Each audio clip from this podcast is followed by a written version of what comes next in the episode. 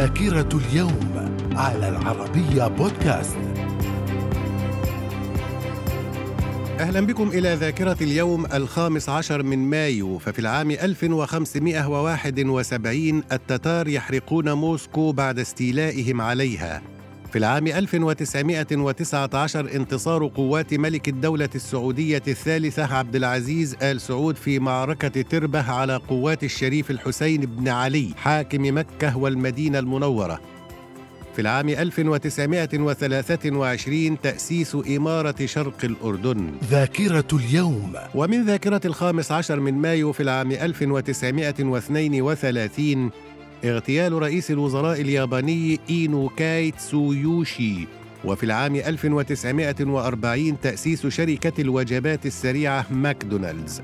في العام 1948 الجيوش العربية تدخل فلسطين إبان حرب فلسطين والإعلان عن قيام دولة إسرائيل ويعرف هذا اليوم بيوم النكبة. في العام 1957 المملكة المتحدة تفجر قنبلتها الهيدروجينية في المحيط الهادئ وفي العام نفسه الإعلان عن استقلال النمسا. ذاكرة اليوم. ومن ذاكرة الخامس عشر من مايو في العام 1972 إعادة أوكيناوا إلى السلطة اليابانية وتأسيس محافظة أوكيناوا.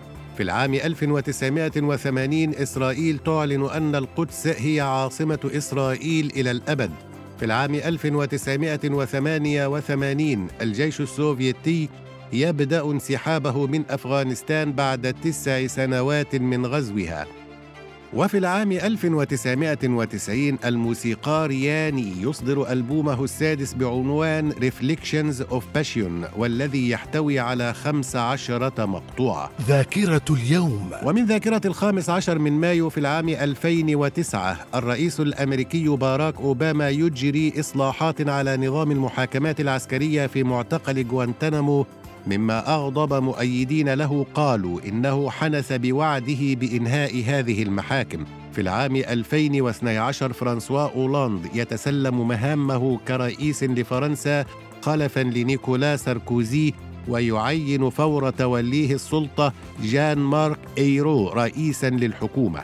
في العام 2015 الانقلاب العسكري في بوروندي يفشل بعد بدايته في الثالث عشر من مايو والرئيس بيير نكورونزيزا يدخل البلاد ويتم توقيف عدة قائمين بالمحاولة. ذاكرة اليوم. ومن مواليد الخامس عشر من مايو في العام 1048 عمر الخيام عالم وشاعر فارسي في العام 1567 كلاوديو مونتيفيردي موسيقي ألماني.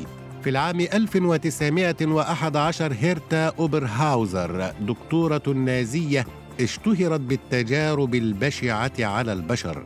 وفي العام 1937 ولدت مادلين أولبرايت سياسية أمريكية وأول امرأة تتولى منصب وزير الخارجية في الولايات المتحدة.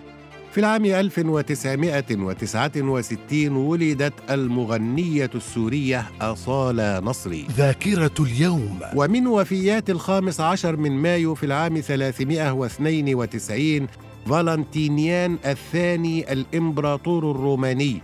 في العام 1157 يوري دولغوروكي أمير روسي ومؤسس مدينة موسكو.